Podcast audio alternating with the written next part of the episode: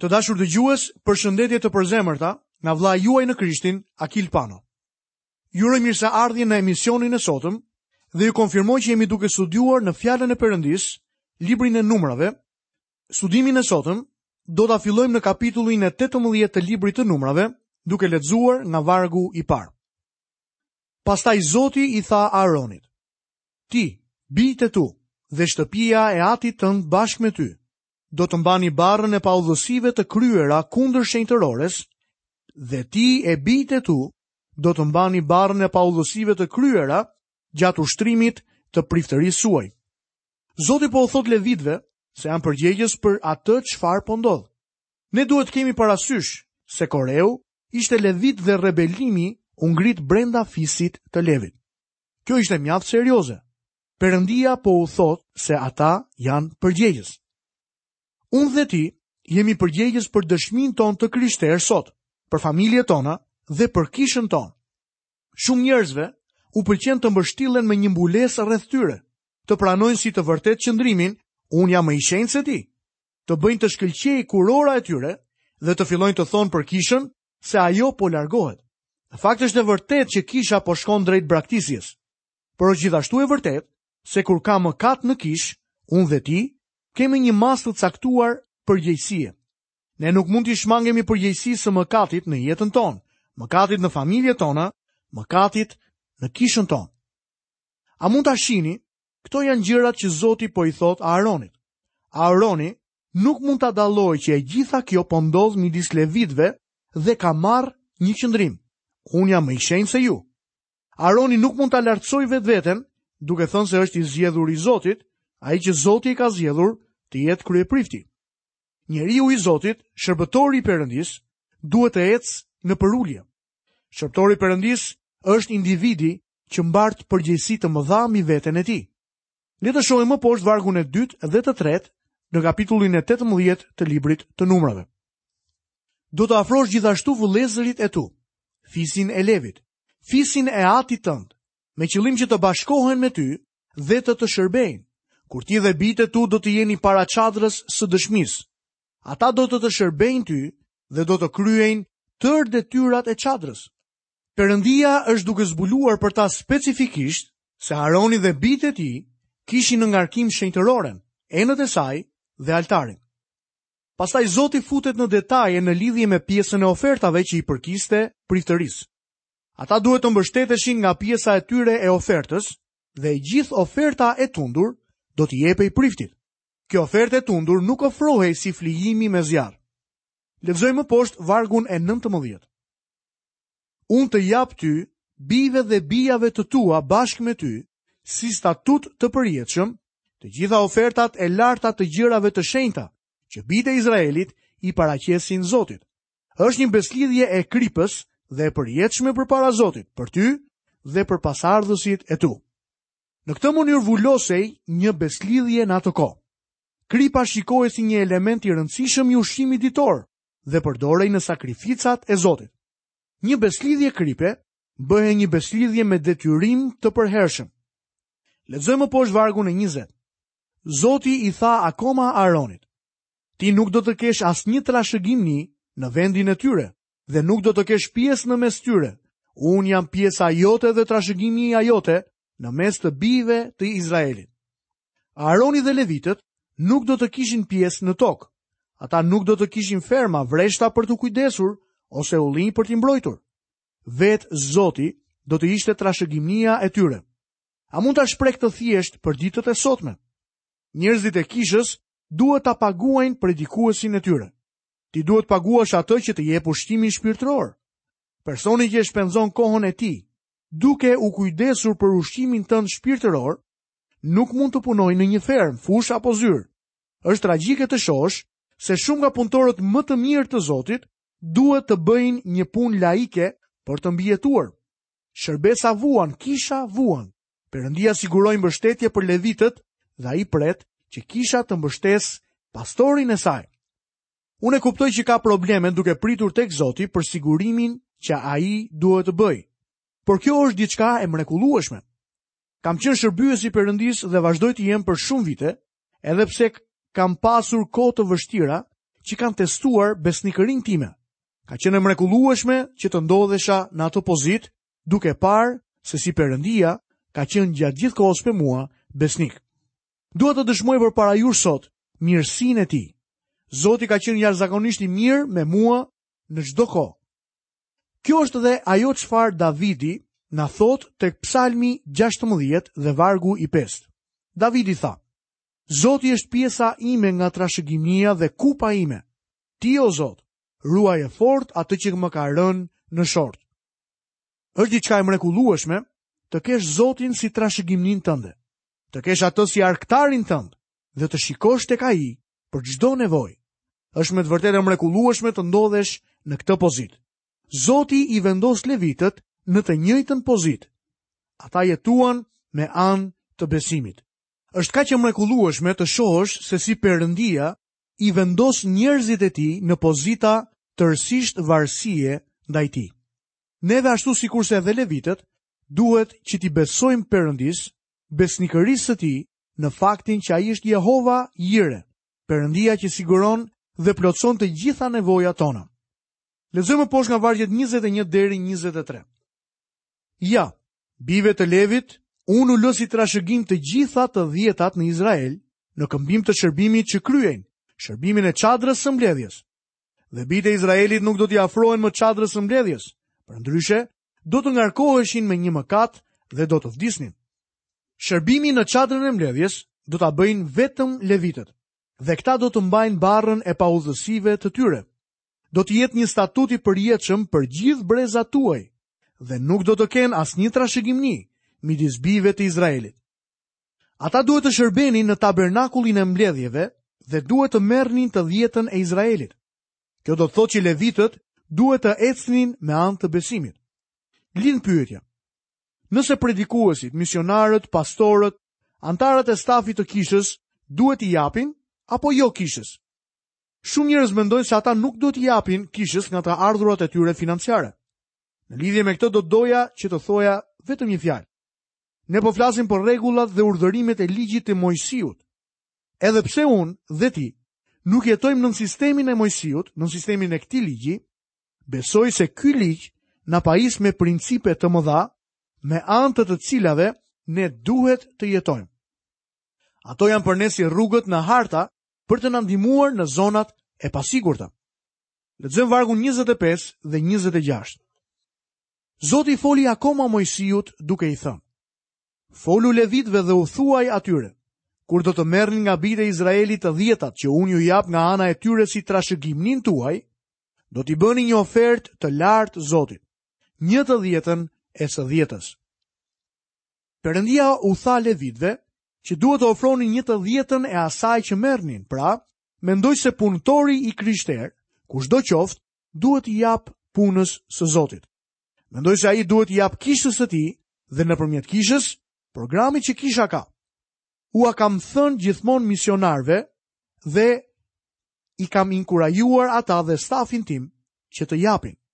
Për të vendosur një shembull në bashkësi për këtë çështje, gjithmonë koshi i ofertës së pari kalon në platformë.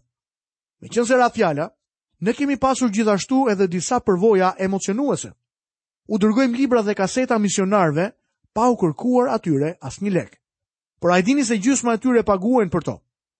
Ne kishim një misionar nga një prej bordeve udhëheqëse të besimit që ishte në shtëpi me leje.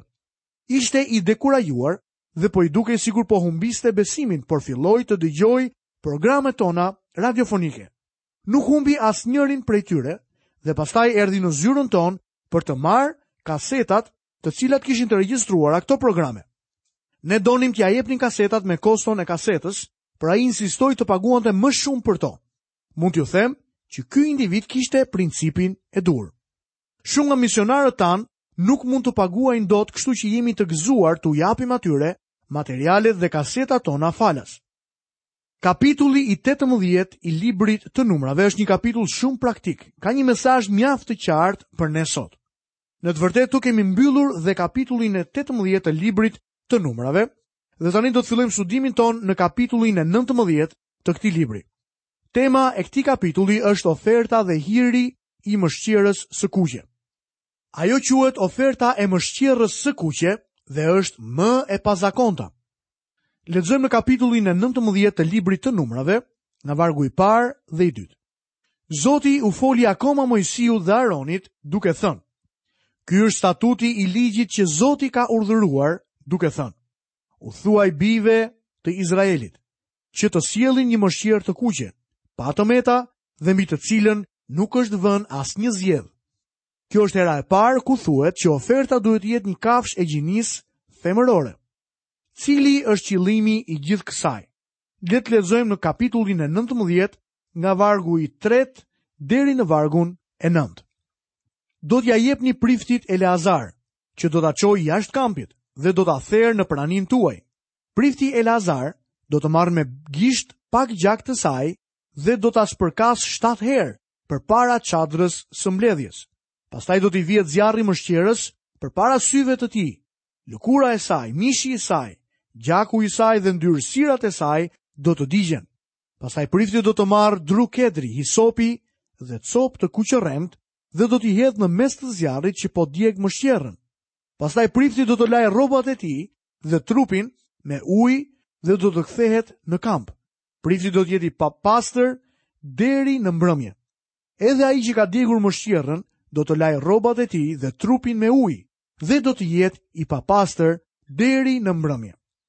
Një njeri i pastër do të mbledhë hirin e mëshqerrës dhe do ta depozitojë jashtë kampit në një vend të pastër, ku do të ruhet për asamblenë e bijve të Izraelit si një pastrim. Shërben për t'u pastruar nga mëkati. Lexuam gjithë këto vargje që na tregojnë ofertën apo flijimin e mëshqerrës, mirëpo si do të përdorej ky flijim. Lexojmë nga vargjet 17 deri në 19. dhe për një person të papastër do të merret hiri i viktimës së djegur për ta pastruar nga mëkati dhe nga një enë do të derdhet mbi të ujë i rrjedhshëm. Pastaj një njeri i pastër do të marrë hisop, do ta fusë në ujë dhe do të spërkatë çadrën, të gjitha veglat, tërë personat që ndodhen aty dhe atë që ka prekur një kockë, ose të vrarin, ose të vdekurin nga vdekja e natyrshme, ose varrin. Njeriu i pastër do të spërkatë të papastrin ditën e tretë dhe ditën e shtatë. Ditën e shtatë, njeriu i papastër do të pastrohet, do të lajë rrobat dhe veten e tij me ujë dhe në mbrëmje do të jetë i pastër. Kjo është një urdhëresë e pazakontë dhe duket paksa e çuditshme, por ka një arsye të mirë për të. Kur fëmijët e Izraelit po marshonin dhe një njeri në marshimin e tyre, mëkatonte. Ata nuk mund të ndalonin pikërisht aty, të vendosin tabernakullin dhe të bënin të gjitha ritualet e një oferte për shlyerjen e mëkatit. Çfarë duhet të bënin kur një njeri mëkatonte gjatë rrugës? Ata duhet të merrin hirin e kësaj mëshqerre, ta përzienin me ujë të rrjedhshëm dhe hisop. Pastaj të spërkasnin individin që kishte mëkatuar. A nuk është disi e çuditshme Por kjo ishte mënyra se si e trajtoi Perëndia mëkatin tek njerëzit e tij. Më lejoni t'ju tregoj një ngjarje tjetër të çuditshme. Kur Zoti ynë Jezu Krisht shkoi në sallën e madhe me dishepujt e tij, gjëja e parë që bëri ishte marrja e një legeni me ujë dhe larja e këmbëve të dishepujve. Përse? Ai i tregon arsyen Simon Pjetrit. Gjoni 13 vargu i 8 na e tregon. Po nuk të lava, ti nuk do të kesh pjesë në mua. Nëse Zoti Jezus nuk do t'ia kishte larë këmbët Pjetrit, ai nuk do t'kishte miqësi me të. Jezusi kishte ardhur nga Ati dhe po kthehej prapë tek ai. Gjoni kapitulli 13, vargjet 3 dhe 4, na e zbulon këtë gjë. Jezusi duke ditur se Ati i kishte dhënë gjithçka në duar dhe se ai kishte dalë nga Perëndia dhe tek Perëndia po kthehej, u ngrit nga darka dhe hoqi rrobat e tij, mori një peshqir dhe u ngjesh. Zoti Jezu Krisht është kthyer tashmë tek Ati dhe ai ende është i ngjeshur me peshqirin e shërbimit. Legeni me ujë është fjala e Zotit, Shpirti i Shenjtë është ai që vepron dhe hisopi është besimi. Nëse unë dhe ti mëkatojmë sot, Krishti nuk do të vdesë sërish për mëkatin tonë. Në fjalën e Zotit na thuhet: Por po të ecim në dritë, sikurse Ai është dritë. Kemi bashkësi njëri me tjetrin dhe gjaku i Jezu Krishtit, Birit të Tij, na pastron nga çdo mëkat. Kjo dritë është fjala e Zotit. Çfarë do të shohim nëse ecim në dritë? Do të shohim se jemi të pisët dhe kemi nevojë të pastrohemi. Shpirti i Shenjtë na bind për këtë gjë. Fjala e Zotit na thotë se gjaku i Jezu Krishtit, birit të Perëndisë, na pastron nga çdo mëkat. Por uji i fjalës dhe gjaku pastrues i Jezu Krishtit duhet të veprojnë në ne. Letra e parë e Gjonit kapitulli i parë dhe vargu i 9 apostulli Gjon na tregon. Po t'i rrëfejmë mëkatet tona, ai është besnik dhe i drejtë që të na falë mëkatet dhe të na pastrojë nga çdo paudhësi. Krishti vdiq për të na shpëtuar, ai jeton atje përtej për të na mbajtur të shpëtuar. Kur Jezu Krishti vdiq për mëkatet tona, ai nuk vdiq vetëm për mëkatet që kishim bërë përpara se të vinim tek ai. Krishti vdiq për mëkatet tona të të gjitha kohërave. të së shkuarës, së tashmes dhe të së ardhmes, derisa ai vetë të na japë kurorën. Mos thuaj që pasi je shpëtuar nuk ke mëkatuar. Mëkati në jetët tona është një fakt që shumë të krishterë e neglizhojnë sot. Disa të krishterë pastrohen vetëm kur venë në kishë. Bëjnë banjën e së shtunës mbrëma për të qenë të pastër ditën e diel në mëngjes. Kishat sot vijnë erë më të mirë se më parë për shkak të përdorimit të deodorantëve, parfumeve dhe kolonjës. Por për Zotin, ata vijnë erë të keqe sepse nga përbrenda janë të pisët. Sa prej tyre kanë parë gjëra që nuk duhet të shikonin. Ata vijnë me sy të ndotur në praninë e Perëndisë. Sa prej tyre kanë dëgjuar gjëra të ndyra që nuk duhet t'i dëgjonin. Ata vijnë në praninë e Zotit duke adhuruar me vesh të ndotur. Disa kanë duar të ndotura sepse kanë bërë gjëra që nuk duhet t'i bënin. Disa i kanë këmbët e ndotura sepse kanë ecur në disa rrugë që nuk duhet të kishin ecur. Ata mendojnë se të shkuarit në kishë rregullon çdo gjë. Por në fakt, nuk është çdo gjë në rregull. Kjo është arsyeja pse Zoti Jezus thotë: Nëse unë nuk të laj, ti nuk ke pjesë me mua. Nëse shërbesa në kishë të duket e vdekur dhe predikimi i pastorit i mërzitshëm, ndoshta është sepse ke nevojë për një dush, një dush të mirë shpirtëror. Letra e parë e Gjonit kapitulli 1 dhe vargu i 6 na thotë: Po të themi se kemi bashkësi me të dhe ecim në errësirë, ne gënjejmë dhe nuk e vëmë në praktikë të vërtetën.